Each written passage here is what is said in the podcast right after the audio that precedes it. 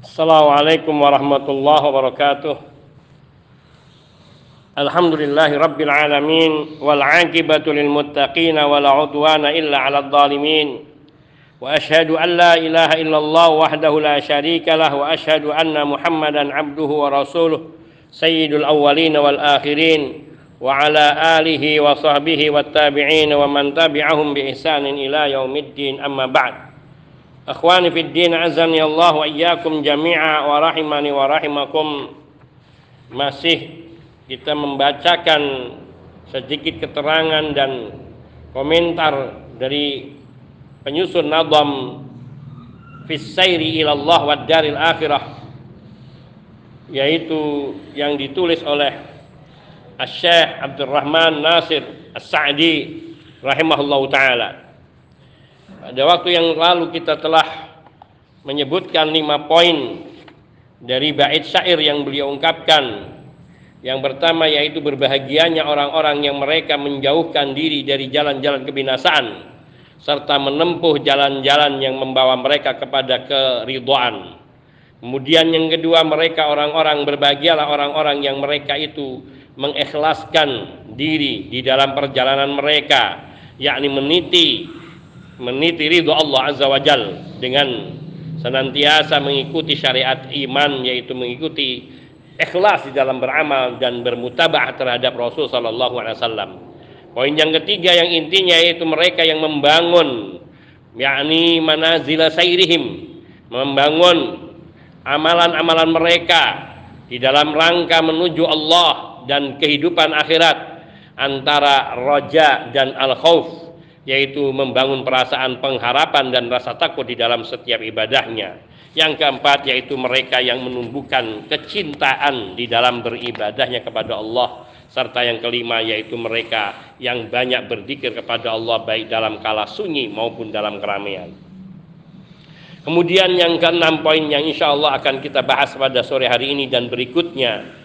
Yataqarrabuna ilal maliki bi ta'atihi wa tarki lil Mereka termasuk orang-orang yang berbahagia, orang-orang yang mendekatkan diri mereka kepada Sang Maha Kuasa dengan perbuatan mereka mentaatinya serta meninggalkan perbuatan kemaksiatan apa pun. Amalan-amalan yang mendekatkan diri kepada Allah, yang menghantarkan kepada ridho Allah, yaitu amalan mentaati Allah Subhanahu wa taala, terutama di dalam perkara-perkara yang wajib yang fardu dan meninggalkan berbagai bentuk kemaksiatan sebagaimana yang tersebut di dalam hadis qudsi wa ma taqarraba ilayya 'abdi bi syai'in ahabba ilayya mimma aftaratuhu alaih wa la yazalu 'abdi yataqarrabu bin nawafili hatta uhibbahu. Dan wa ilayya 'abdi dan suatu amalan dan tidak ada amalan yang dilakukan hambaku di dalam rangka mendekatkan dirinya bertakarub kepadaku yakni dengan sesuatu yang lebih aku cintai daripada amalan-amalan yang aku wajibkan pada diri hambaku. Wala yazalu abdi yatakarrabu bin nawafil hatta uhibbahu dan senantiasa hambaku akan melakukan berbagai amalan amalan sunnah amalan-amalan tambahan dalam rangka mendekatkan dirinya kepadaku sampai aku mencintainya Hadis Qudsi ini, hadis yang sahih diriwayatkan oleh Imam Bukhari di antaranya menegaskan bahwa amalan yang dapat mendekatkan diri seorang hamba kepada Allah sampai Allah mencintai hamba yaitu melakukan amalan-amalan fardu yang terutama. Yang fardu yaitu menjalankan perintah-perintahnya dan meninggalkan segala bentuk larangan dan kemaksiatan. Dan amalan-amalan yang berikutnya setelah yang fardu yaitu memperbanyak amalan-amalan ketaatan yang sunnah, yang mustahabbah dan menjauhi segala perkara yang dimakruhkan dan dibenci dan itu akan menghantarkan dirinya kepada cinta Allah kepada diri hamba. Karena karena Allah Subhanahu wa taala dalam hadis qudsi ini mengatakan, "Wala yazalu 'abdi yataqarrabu ilayya bin nawafili hatta uhibbahu." Dan senantiasa hambaku melakukan berbagai bentuk ketaatan yakni dengan melakukan amalan-amalan sunnah sehingga aku mencintainya. Oleh karena itu patutlah aku katakan fi'lul faraidi wan nawafili da'buhum ma'ru'yatit taksiri wan nuqsani beramal dengan amalan fardu dan amalan sunnah adalah merupakan tradisi mereka orang-orang saleh para salafus saleh perbuatan kebiasaan mereka yaitu menjaga amalan-amalan yang fardu dan juga amalan-amalan yang sunnahnya. Ma'ru'yatit taksiri wan nuqsan. Di samping mereka bersemangat melakukan amal ketaatan mereka senantiasa memandang amal yang mereka perbuat yang mereka kerjakan itu masih sangat kurang dan merasa itu masih jauh dari kesempurnaan dari memenuhi hak-hak Allah Azza wa Jalla. Ini adalah kesempurnaan hadahwal kamal. Yaitu seseorang yang bersungguh-sungguh di dalam menunaikan amalan fardu memperbanyak amalan-amalan sunnah, nawafil. Namun dia senantiasa memandang dirinya masih belum sempurna di dalam ketaatannya. Memandang amalannya jauh dari kesempurnaan. Masih memandang dirinya meremehkan hak-hak Allah Azza wa Jal. Dan mengabaikan hak-hak Allah Azza wa Jal. Fajtihaduhu fil a'mal yunfi anhul kasal. Semangatnya, kesungguhannya di dalam beramal. Itulah yang menghapuskan kemalasan di dalam dirinya dan pandangan dirinya terhadap kekurangannya di dalam beramal itulah yang menghilangkan rasa ujub pada dirinya yang sering kali membatalkan amal kebajikan bahkan merusak amal soleh. Ungkapan ini sangat indah sekali. Yang beliau jelaskan bahwa para salafus saleh dari kalangan para sahabat, para tabiin dan imam-imam kaum muslimin yang mereka mengikuti pendahulunya dengan cara yang ihsan berusaha memaksimalkan pelaksanaan amalan fardu. Ia melaksanakan sholat dengan segala daya upaya untuk dilaksanakan secara sempurna yang rukun-rukunnya, tumak ninah dan kehusuannya sehingga tidak tergesa-gesa di dalam melaksanakan ibadah sholatnya.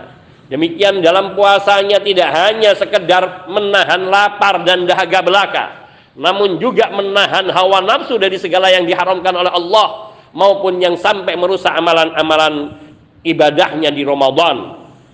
Dan di samping itu ia senang mereka senantiasa berusaha untuk menambahkan dari amalan yang fardu ini amalan-amalan sunnah lainnya. Seperti memperbanyak tilawatil Quran, zikrullah, bersedekah, berbuat kebaikan kepada manusia dan berbagai kebaikan-kebaikan lainnya dari amalan-amalan sunnah. Baik berupa sholat-sholat sunnah maupun puasa-puasa sunnah, puasa-puasa tatawwu maupun sodako sunnah. Namun bersamaan itu mereka masih memandang diri mereka jauh dari sempurna. Memandang diri mereka masih tidak, tidak memenuhi hak-hak Allah Azza wa Jal. Dan memandang diri mereka masih kurang di dalam beribadah kepada Allah Tabaraka wa Ta'ala. Maka dua hal ini melaksanakan ketaatan. Dan ketaatan dari yang wajib sampai yang sunnah adalah dalam rangka mengikis kemalasan di dalam dirinya yang menginginkan keutamaan dan kedudukan yang mulia di sisi Allah Azza wa Jal dibarengi dengan dengan pandangan terhadap dirinya yang masih sangat jauh dari sempurna mereka selalu memandang kepada orang-orang yang lebih saleh, orang-orang yang lebih taat kepada Allah, orang-orang yang lebih mengabdikan dirinya kepada Allah. Sehingga mereka memandang diri mereka masih jauh dari harapan untuk meraih. Hal ini yang menghilangkan rasa ujub di dalam dirinya yang sering kali membatalkan amal ibadahnya. Dan orang yang seperti ini maka sungguh bila ini dilakukan di dalam setiap ibadahnya, ia senantiasa berusaha memaksimalkan ibadahnya, baik yang fardu maupun yang sunnahnya, dan senantiasa memandang ibadah-ibadah yang sudah diperintahkan kepada dirinya itu masih jauh dari kesempurnaan. Hal yang serupa ini yang akan senantiasa menjaganya untuk bersikap ikhlas di dalam beramal dan mutabaah kepada ajaran Rasul Shallallahu Alaihi Wasallam. Poin yang kedelapan, yakni beliau mengatakan sabarun nufusa alal makarihi kulliha syauqan ila fihi min ihsani. Mereka bersabar, menahan diri mereka di dalam melakukan segala hal yang tidak mengenakan, dalam semua hal yang tidak mengenakan. Bangun di tengah malam di saat yang dingin mengambil air wudhu. Kemudian di dalam kondisi kantuk yang kuat yang luar biasa menguasai diri mereka mereka bangun yakni menghadapkan dirinya kepada Allah.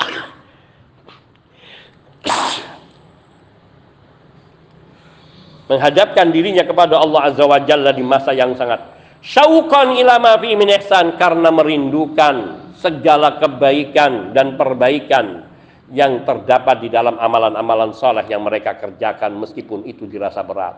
Allahu Akbar. Maka pantaslah kalau mereka para salafus saleh ketika masuki bulan Ramadan mereka mensabarkan jiwa mereka, hati mereka untuk banyak mentaati Allah Azza wa Jalla untuk me, me, memperbanyak ketaatan-ketaatan kepada Allah sampai mereka berusaha menghatamkan Quran di setiap harinya sekali atau minimal tiga hari sekali mereka menghatamkan Al-Quran.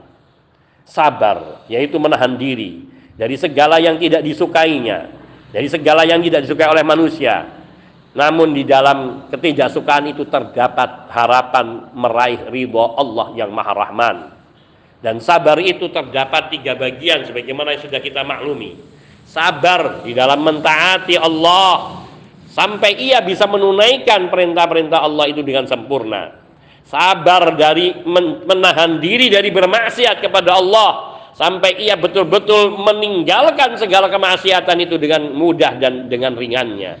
Sabar di dalam menghadapi takdir-takdir Allah yang menyakitkan, maka ia la yata la yatasaffahuha yatasaffahuha yakni tidak mau tenggelam dalam kebuduhan melakukan me, me, me, me, tidak ridho terhadap takdir-takdir Allah yang kadang dirasakan menyakitkan apabila kasalat nafsu an taatillah apabila timbul kemalasan di dalam dirinya di dalam mentaati Allah hasaha alaiha maka kesabaran dirinya mensabarkan mensabarkan hatinya di dalam mentaati Allah Azza wa Jalla. Kesabaran itulah yang mendorongnya untuk tetap beramal melaksanakan ketaatan kepada Allah tabaraka wa taala. Yakni dengan mengingati kemuliaan dan pahala yang besar yang dijanjikan oleh Allah Subhanahu wa taala. Wa alzamaha. Sabaran itulah yang terus menetapkan meneguhkan pendiriannya untuk mentaati perintah Allah dan menjauhi larangannya.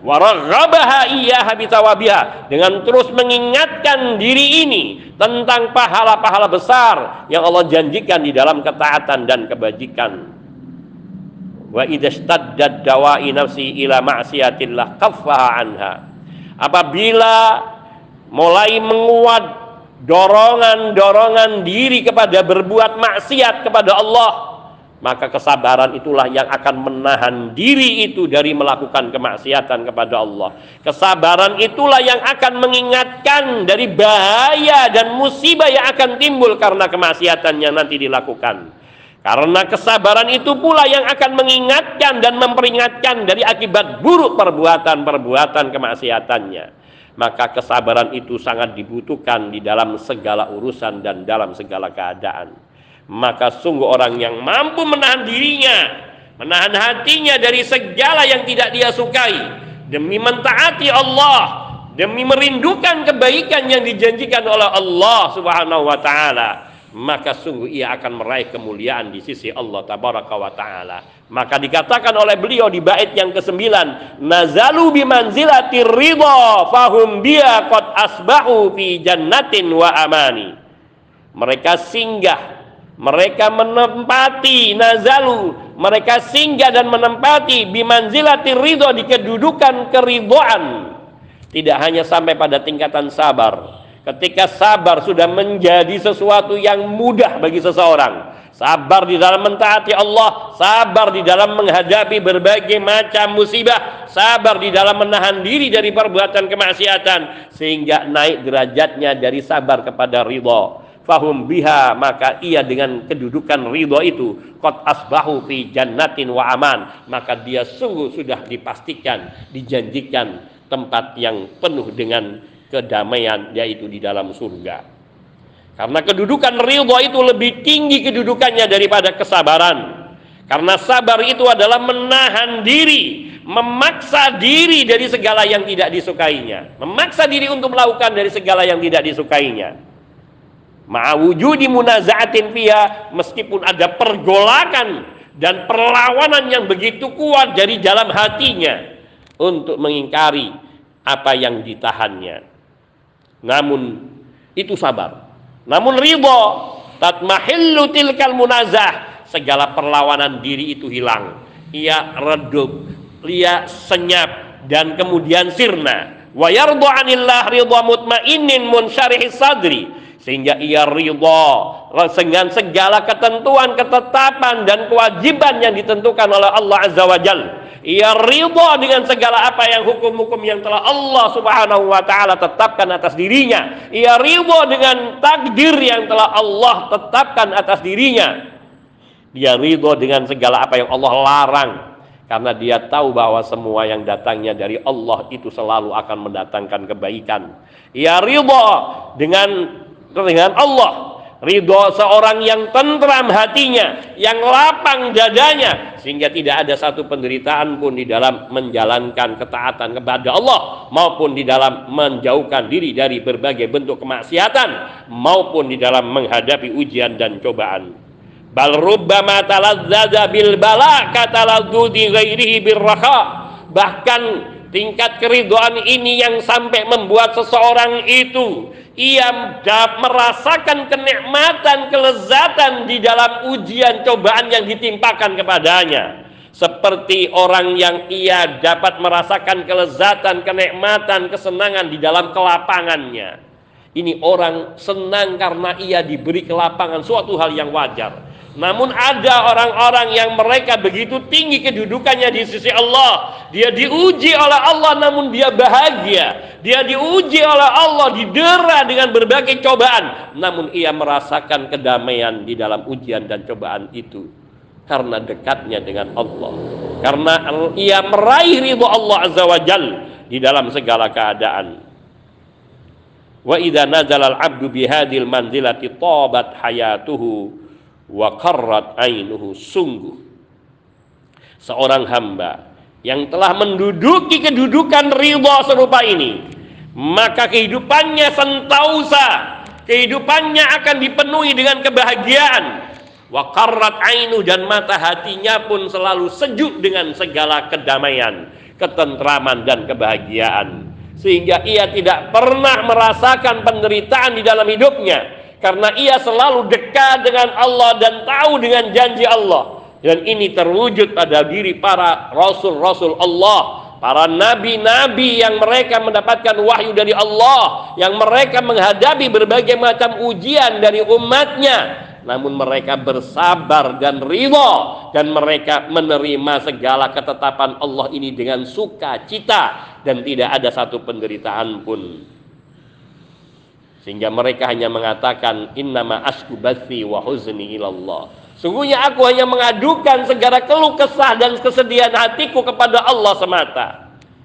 Karena mereka memandang tidak ada lagi tempat yang terbaik selain di sisi Allah tabaraka wa taala.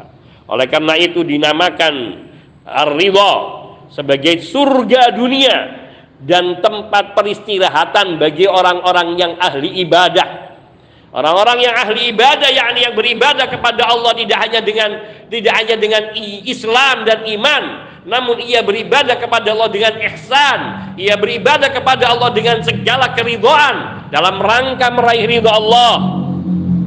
Maka sungguh mereka inilah orang-orang yang telah mencapai derajat keridhaan Allah ini mendapatkan surga dunia. Dia di dunia dengan segala ujian dan cobaan yang menimpanya, namun ia merasa seolah berada di surga Allah Azza wa Jal. Hatinya damai, hatinya penuh dengan kebahagiaan, hatinya penuh dengan kecintaan kepada Allah dan kecintaannya kepada Allah menutupi segala cinta selain kepada Allah Subhanahu wa taala, mengalahkan semua cinta selain Allah. Maka mereka orang-orang yang seperti ini hatinya selalu bahagia, selalu damai dan senantiasa beristirahat dari segala keletihan kehidupan dunia. Faman radiya anillah radiyallahu an. Orang yang ridho kepada Allah, ridho dengan segala ketetapan hukum Allah, ridho terhadap segala takdir Allah, radhiyallahu anhu maka Allah pun ridho kepadanya. Apa yang Allah takdirkan tentukan bagi dirinya, maka ia ridho dan ia menerimanya dengan segala senang hati. Itulah ridho. Wa man radiya 'anillahi bil yasiri minar rizki radiyallahu minhu bil yasiri minal amal. Demikian pula ketika ada seseorang ia ridha kepada Allah meskipun ia mendapatkan rizki yang sedikit, rizki yang kecil namun dia ridho menerimanya maka Allah ridho kepadanya meskipun amal ibadahnya sedikit meskipun ketaatannya sangat terbatas hanya pada yang wajib dan sedikit dari yang sunnah. Allah ridho Allah ridho kepada hamba. Waridwanullahi akbar. Sedangkan keriduan Allah itu amatlah besar dan sungguh sangat besar Hakikatul ridha talaqi ahkamillahi al-amriyah ad-diniyah wa ahkamihil kauniyatil qadariyah bin syirahi sadrin wa sururi nafsin la ala wajhi takarruhi wa talammuz. Hakikat ridha. Hakikat ridha adalah talaqi ahkamillah menyambut hukum-hukum Allah menerima hukum-hukum Allah al-amriyah ad-diniyah yang berkaitan dengan perkara-perkara agama yaitu perintah dan larangan. Inilah menerima semuanya. Wa ahkamul kauniyah al-qadariyah dan juga menerima segala ketetapan hukum kauniyah, takdir. Ketetapan takdir Allah yang baik maupun yang buruk, yang sempit maupun yang lapang, ia terima bin syirahi sadrin dengan dada yang lapang wasururi nafsin dengan hati yang penuh dengan kebahagiaan dan kegembiraan.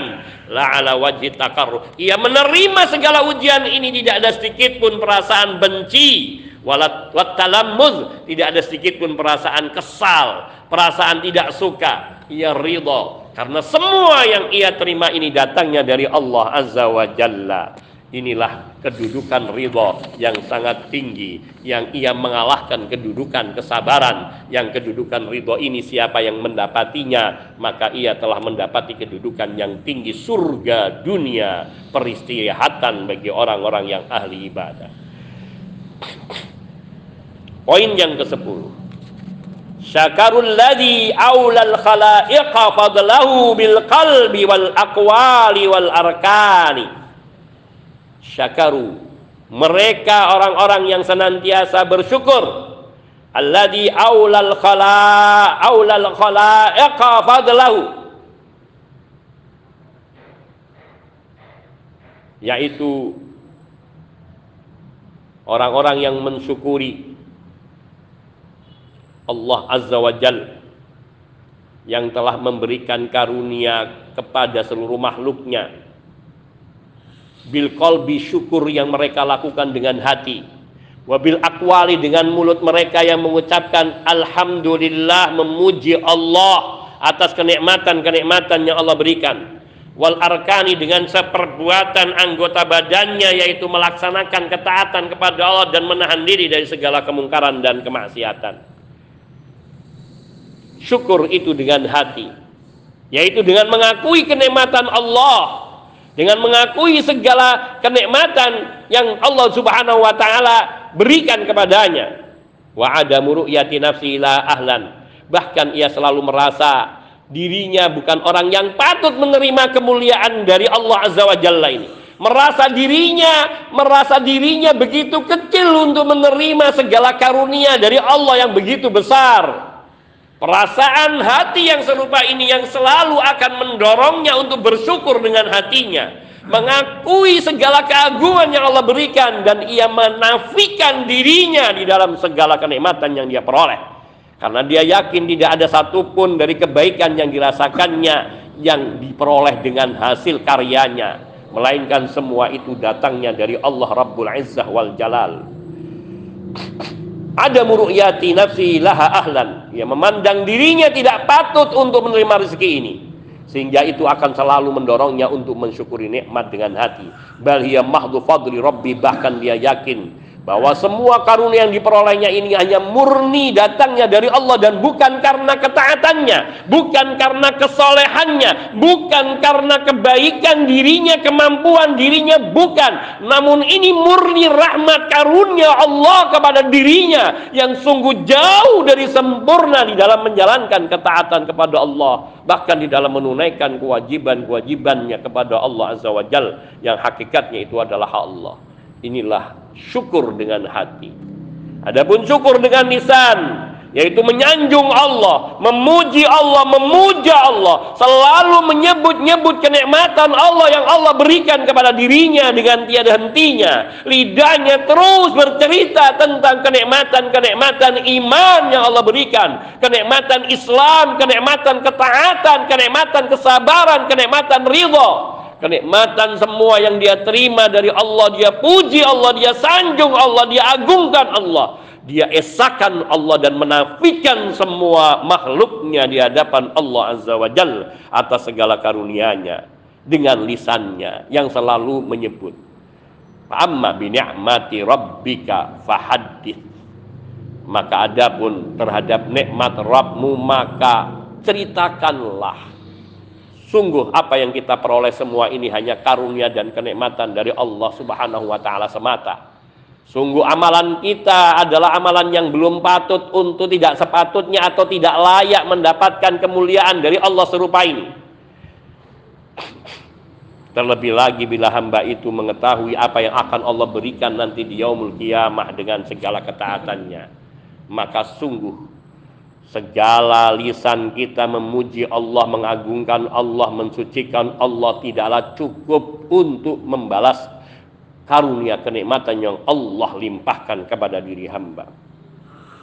Wa yakunu bil jawarih dan juga dengan anggota badan.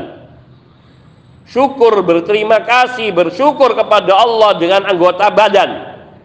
Dengan anggota badan yaitu dengan menahan diri kita dari berbagai hal kemaksiatan yang dimurkai oleh Allah. Dan dengan senantiasa memohon pertolongan dengan nikmat-nikmat Allah atas dirinya yaitu berupa mentaati Allah Azza wa Jal. Meminta pertolongan kepada Allah untuk mentaati Allah dengan karunia dan kenikmatan yang Allah berikan kepadanya. Fa in a'tahu syai'an minad dunya syakarahu alaih maka bila Allah memberikan kenikmatan kepadanya dari sebagian kenikmatan dunia maka ia segera mensyukuri nikmat Allah itu atas atas nikmat Allah itu dengan memujinya bersyukur kepadanya. Walhamdulillah wa syukurillah ala ma an'ama alaina wa a'tana wa faddalana ala katsirin minal minal ibadi wal khalaik segala puji bagi Allah maha puji maha terpuji bagi Allah yang telah memuliakan kita mengunggulkan kita memberi karunia kepada kita bahkan melebihkan dari banyak makhluk-makhluknya dan hamba-hambanya. Wa in zawwa anhu syai'an minha syakarahu aidan. Bahkan ketika ia dijauhkan dari sebagian kenikmatan dunia Allah mengambil sebagian kenikmatan dunia yang Allah titipkan kepada hamba yang beriman ini ia pun tetap bersyukur kepada Allah. Ia tetap mensyukurinya pula. Id rubbama kanat ni'matu alai saribatan min syarran a'dham minha. Karena dia tahu, dia yakin barangkali sebagian kenikmatan Allah ini Allah ambil dan daripada yakni Allah sebagai ganti daripada Allah menimpakan keburukan kepadanya. Allah mengambil sebagian kenikmatan yang Allah berikan kepada hamba karena Allah ingin menghindarkan hamba ini dari petaka yang lebih buruk yaitu kelalaian mentaati Allah terjerumus ke dalam kesesatan Allahu Akbar karena Allah ingin menyelamatkannya dari mara bahaya yang lebih besar. Maka Allah ambil sebagian kenikmatannya agar hamba itu ingat kembali kepada Allah dan hamba itu ridha dengan segala ketetapan takdir Allah. Wa in waffaqahu li ta'atin min at-ta'at ra'al minnata lillahi fi taufiqi laha wa syakarahu 'alaiha. Dan apabila ia diberi kemudahan, diberi taufik, dibimbing untuk mentaati Allah pada suatu ketaatan dari ketaatan yang banyak maka ia telah melihat melihat karunia kenikmatan milik Allah yaitu berupa taufik yang Allah berikan kepadanya untuk bisa mentaati Allah dan ia mensyukuri kenikmatan taufik ini melebihi daripada kenikmatan-kenikmatan duniawi Allahu Akbar Memang selayaknya demikian gitu pada kita. Ketika kita dimudahkan untuk melakukan satu kebaikan, untuk melakukan satu ketaatan, sungguh ini karunia yang lebih besar yang Allah berikan kepada hamba, kepada kita. dibandingkan dengan kenikmatan dunia yang Allah limpahkan yang kadang kala tidak sedikit membuat kita lalai dan lengah dari mengingati Allah Subhanahu wa taala. Wa hum min dzikri rabbihim mu'ridun wa hum an dzikri rabbihim mu'ridun. Karena banyak orang-orang yang mereka telah diberi karunia kenikmatan oleh Allah namun mereka enggan, mereka berpaling dari mengingati kenikmatan-kenikmatan Allah yang telah Allah limpahkan kepada diri mereka. Mereka kufur nikmat. Naudzubillah min dzalik. Maka sungguh kenikmatan taufik itu adalah kenikmatan yang lebih besar dari kenikmatan duniawi yang patut kita syukuri dan hanya kepada Allah lah tempat kita memohon pertolongan. Inilah kedudukan hamba yang bersyukur kepada Allah. Mensyukuri segala kenikmatan yang telah Allah karuniakan kepada hamba. Allah muliakan hamba ini dengan kemuliaan yakni kenikmatan karunia yang besar dan ia mereka mereka ini bersyukur dengan hati, dengan lisan dan dengan anggota badan. Kemudian yang ke-11. Bait yang ke-11.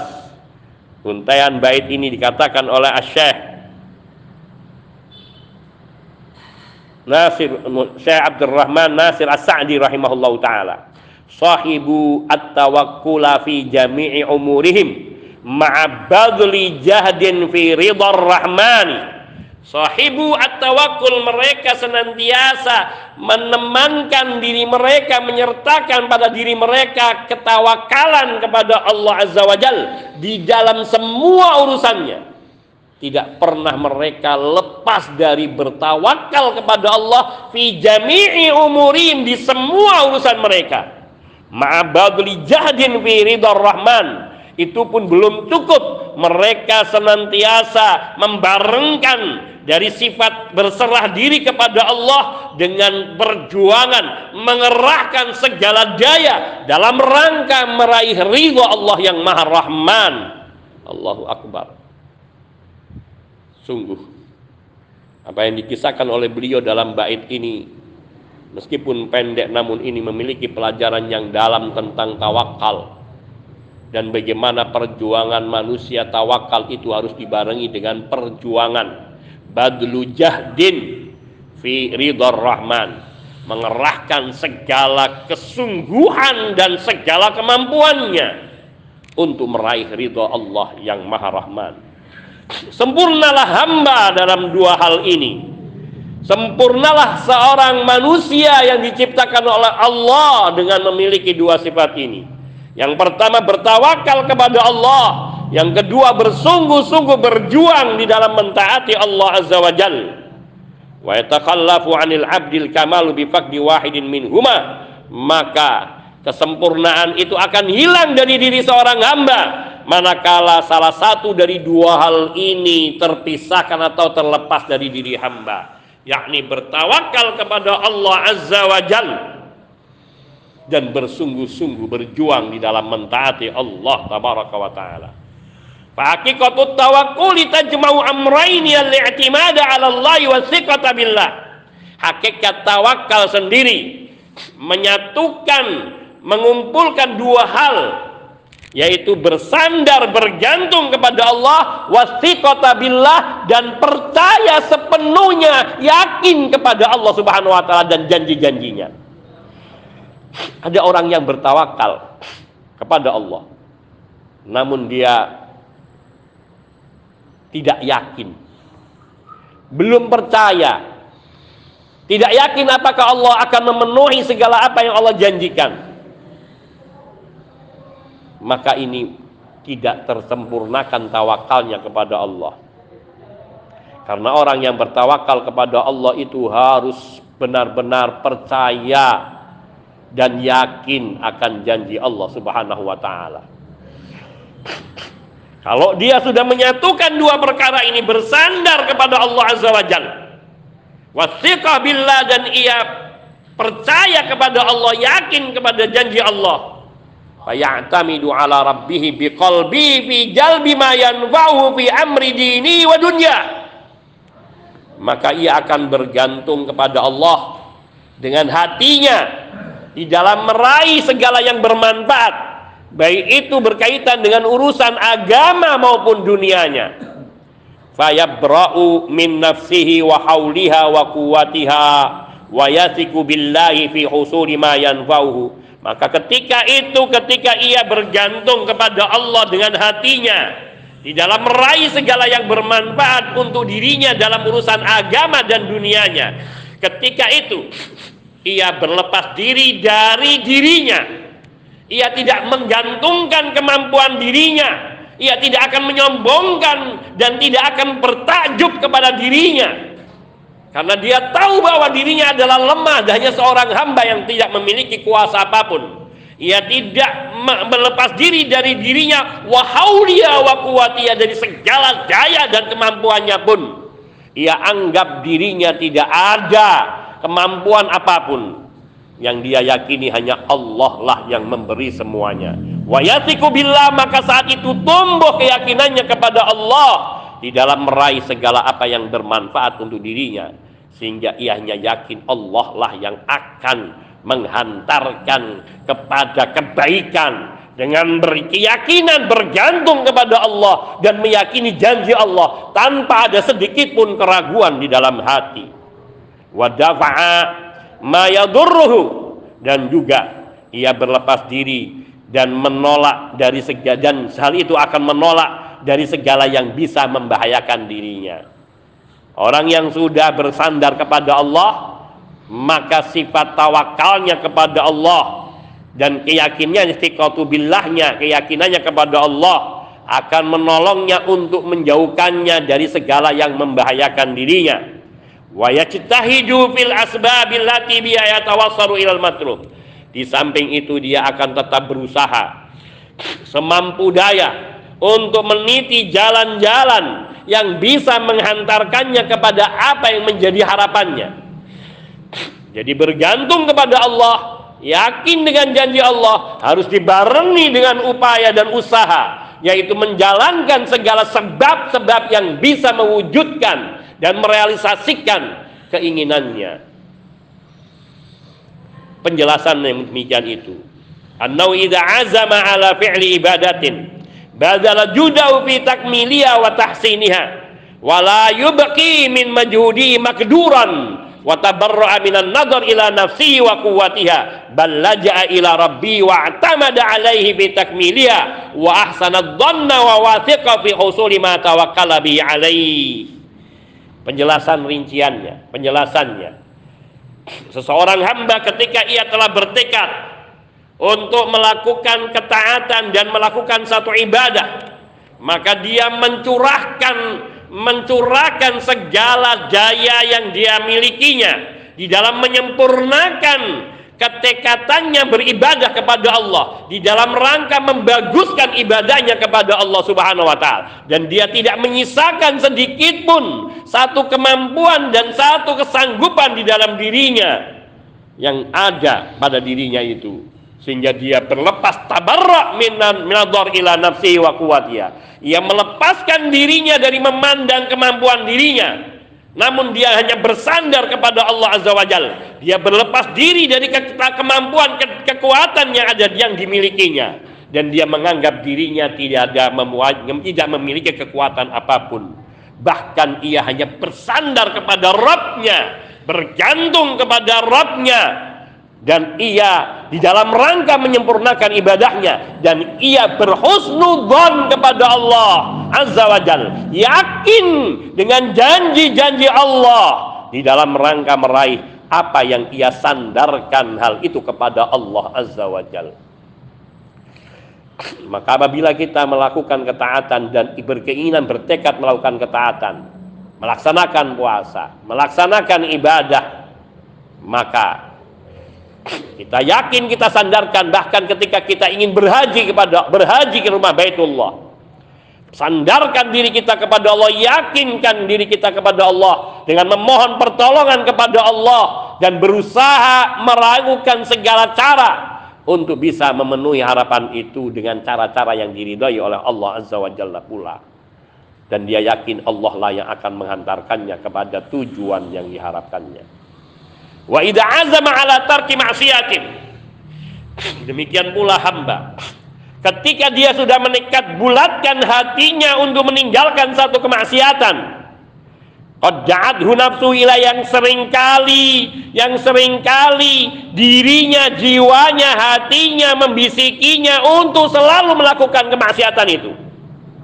Maka ketika dia sudah bertekad badala juga fil asbabil mujibati litarkiyah haruslah ia berjuang mengerahkan segala daya dan kemampuan untuk melakukan berbagai sebab yang bisa men, mening, bisa membantunya untuk meninggalkan kemaksiatan dan keburukan itu. Minat tafakkuri dan di antaranya yaitu dengan merenungi kemaksiatan yang dilakukannya itu. Para bahaya yang akan menimpanya. Keburukan yang akan timbul nanti sesudah kemaksiatan. Meski tidak saat itu mungkin 10 tahun, 20 tahun, 30 tahun berikutnya baru dia merasakan balasan dari Allah atas kemungkaran ataupun kemaksiatan yang dahulu lakukan. Wasarfil jawarihi dan juga dengan memalingkan diri kita minha yakni menjaga anggota badan kita, diri kita, fisik kita dari segala kemungkaran. Kemudian i'tamada ilallah setelah berusaha demikian ini, dia sandarkan dirinya kepada Allah Azza wa Jal. Walaja ilaihi fi ismatihi mina. Dan ia berlindung kepada Allah dari segala kemungkaran dan kemaksiatan yang mendorongnya untuk selalu melakukannya. Wa ahsanadhanna bihi wa ismati fi ismatihi lahu. Dan selalu berhusnudzon. Yakni berprasangka baik kepada Allah. Kalau saya meninggalkan kemaksiatan ini, saya meninggalkan sesuatu yang dimurkai oleh Allah, saya yakin Allah akan menjaga saya. Saya yakin Allah akan melindungi saya. Saya yakin Allah akan menggantikan yang lebih baik dari yang saya tinggalkan karena Allah Azza wa Jalla di dalam bermaksiat. Fa innahu idza fa'ala dzalika fi jami'i ma ya'ti wa rujiya lahul falah insyaallah taala. Maka sungguhnya apabila dia melakukan hal yang demikian itu di dalam semua urusannya, yaitu selalu berusaha dengan sekuat tenaga yang senantiasa dibarengi dengan sikap tawakal kepada Allah, bersandar kepada Allah, berlindung kepada Allah, yakin dengan janji Allah dan berhusnudzon kepada Allah. Maka sungguh diharapkan baginya kemenangan dan kesuksesan di dalam hidupnya insya Allah taala. Maka kunci keberhasilan, kunci kesuksesan adalah bersandar kepada Allah di dalam segala urusan dengan tetap melakukan hal-hal yang membantunya untuk bisa mewujudkan harapannya tersebut. Baik itu berupa mentaati Allah, meninggalkan kemaksiatan maupun di dalam meraih segala yang bermanfaat bagi kehidupan dunianya. Wa amma man ista'ana billahi wa tawakkala alaihi ma'a tarkihi ijtihad lazima lahu fa hadza laisa bitawakkulin bal ajzun wa mahanatun.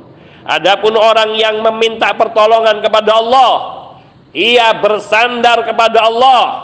Ma'a tarkihi ijtihad lazim lahu namun ia meninggalkan segala upaya istihad yang mengharuskannya untuk melakukan demikian Bahada laisa bitawakul maka perbuatan ini tawakal seperti ini bukanlah tawakal yang benar. Kalau orang meminta pertolongan kepada Allah, bertawakal kepada Allah harus berusaha keras untuk bisa mewujudkan harapannya. Kalau dia hanya bersandar meminta pertolongan dan bertawakal, maka ini bukanlah tawakal yang benar. Bahkan itu adalah kelemahan dan kehinaan ajzun wa mahana demikian pula man yabdulu ijtihadahu wa ya'tamidu ala nafsi wa la yatawakkalu ala rabbi fa huwa makhdul demikian pula sebaliknya orang yang ia mengerahkan segala daya upayanya ia mengerahkan segala kemampuannya dan ia menyandarkan kepada kemampuan dirinya. Saya orang pintar saya orang cerdas saya orang mampu saya orang hebat. Ia bersandar menyandarkan kemampuan dirinya. Wala yatawakkalu lahu wala yatawakkalu ala rabbi dan dia tidak bersandar kepada Rabbnya. Tidak bergantung kepada Rabbnya tidak berserah diri kepada Rabbnya. Fahuwa makdul maka dia juga akan terlantar. Dibiarkan oleh Allah. Tidak diberi pertolongan oleh Allah azza wa jalla. Sungguh orang-orang yang berbahagia mereka yang senantiasa menyertakan tawakal di dalam segala urusannya di dalam hidupnya dengan dibarengi upaya yang keras sungguh-sungguh di dalam meraih ridho Allah yang Maha Rahman. Inilah poin yang ke-11 dan poin ini yang kita cukupkan insyaallah taala atau saya tambahkan satu poin yang tidak panjang yaitu poin atau bait yang ke-12. Beliau rahimahullah taala Abdurrahman Nasir As-Sa'di mengatakan abadul ilaha ala atiqadi hudurihi fatabawwa'u fi manzilil ihsan. Mereka orang-orang yang saleh ini beribadah kepada Allah ala i'tiqadi huduri dengan meyakini Allah itu hadir di hadapannya. Dia beribadah kepada Allah dan seolah-olah Allah ada di hadapannya. Ala i'tiqadi huduri fatabawwau bi manzilil ihsan maka mereka ketika beribadah dengan cara seperti ini akan menempati kedudukan ihsan. Kedudukan ihsan. Al manzilatu yuqalu laha manzilatul ihsan. Kedudukan ini adalah kedudukan yang disebut dengan kedudukan al ihsan tingkatan al ihsan yaitu sebagaimana yang ditafsirkan oleh Nabi sallallahu alaihi wasallam an ta'budallaha wahdahu ka'annaka tarahu fa illam takun tarahu fa innahu yaraka. Engkau menyembah Allah semata seolah-olah engkau melihatnya. Engkau menyembah Allah yang esa dan seolah-olah engkau melihatnya. Dan apabila engkau tidak mampu merasakan hal itu yaitu beribadah dalam keadaan merasakan seolah-olah melihat Allah maka engkau tanamkan keyakinan di dalam dirimu fa innau yaraka maka sungguhnya Allah lah yang melihatmu Inilah makna abadul ilaha ala i'tiqadi huduri. Mereka beribadah kepada Allah dengan meyakini kehadiran Allah di sisinya. Maknanya ibadahnya dilihat oleh Allah Subhanahu wa taala dan ia merasakan kehadiran Allah di sisinya ketika ia beribadah. Sehingga kondisi serupa ini akan menuntut hamba untuk beribadah dengan yang paling sempurna yang dia miliki. Sehingga dikatakan tabawwa'u fi manzilil ihsan. Fa idza tasawwara al insanu hadzal maqama fi jami'i ahwali. La siyama halal ibadah. Apabila seseorang manusia ia dapat membayangkan keadaan serupa ini di seluruh kondisinya, di seluruh keadaannya, di seluruh urusannya. Tidak hanya di dalam sholat. Di dalam kehidupannya, ia merasa dirinya diawasi oleh Allah. Ia merasa di hadapannya Allah Azza wa Jalla. Ia merasa di sampingnya ada Allah Azza wa Jalla. Terutama ketika ia beribadah. Dalam kondisi beribadah kepada Allah. Merasakan kondisi seperti ini. Seolah-olah ia berada di hadapan Allah. Mana'ahu minal iltifati biqalbi ila ghairi rabbi. Maka sungguh hatinya akan memalingkannya dari selain Allah. Sehingga yang ia pandang di dalam ibadahnya hanya Allah. Di dalam kehidupannya segala tindak tanduknya yang ia pertimbangkan hanya Allah. Yang dia takuti Allah, yang diharapkan cintanya Allah, yang diharapkan ampunannya Allah, yang dia takuti dengan siksanya Allah. Sehingga dia tidak melihat selain Allah Azza wa Jalla di dalam dirinya, yakni yang mengawasi dirinya. Ia tidak lagi berpikir mengenai ucapan manusia, sikap manusia kepada dirinya ketika ia beribadah kepada Allah Azza wa Jal karena ia merasakan hanya kepada Allah hanya Allah yang senantiasa mengawasi dirinya dalam segala keadaannya. Bal akbala bikulliyati ala Allah bahkan ia mencurahkan seluruh perhatian dan menghadapkan hatinya kepada Allah semata. Wa tawajjaha biqalbi ilaiha dia hadapkan hatinya kepada Allah ilaih mutaaddiban bi ibadati ia beribadah kepada Allah dengan sepenuh adabnya menunaikan rukun-rukun syarat dan wajib serta sah-sahnya dan abdoliyatnya atian bijami'i ma yukammilwa ia melakukan segala amalan yang bisa menyempurnakan ibadahnya kepada Allah Azza wa Jalla dalam segala keadaannya. Mujtaniban kullam mungkisin lah dan ia menjauhkan diri dari segala yang mengurangi kesempurnaan ibadah dan ketaatannya. Ini adalah kedudukan tertinggi dan termulia serta teragung.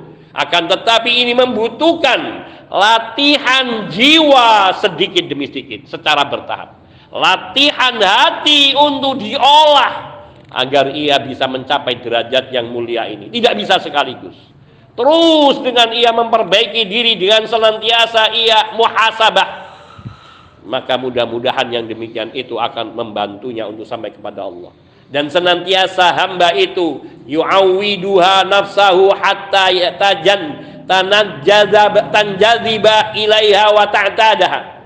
Dan senantiasa hamba melatih dirinya untuk senantiasa menghadirkan hatinya bahwa Allah Azza wa Jalla ada di hadapannya sehingga hatinya atau dirinya hamba itu senantiasa tertarik kepada Allah dan terbiasa kepada Allah maka saat itulah ya'isul abdu qariral aini bi rabbi hamba ini akan hidup tentram damai bahagia mata hatinya di sisi dengan Rabbnya.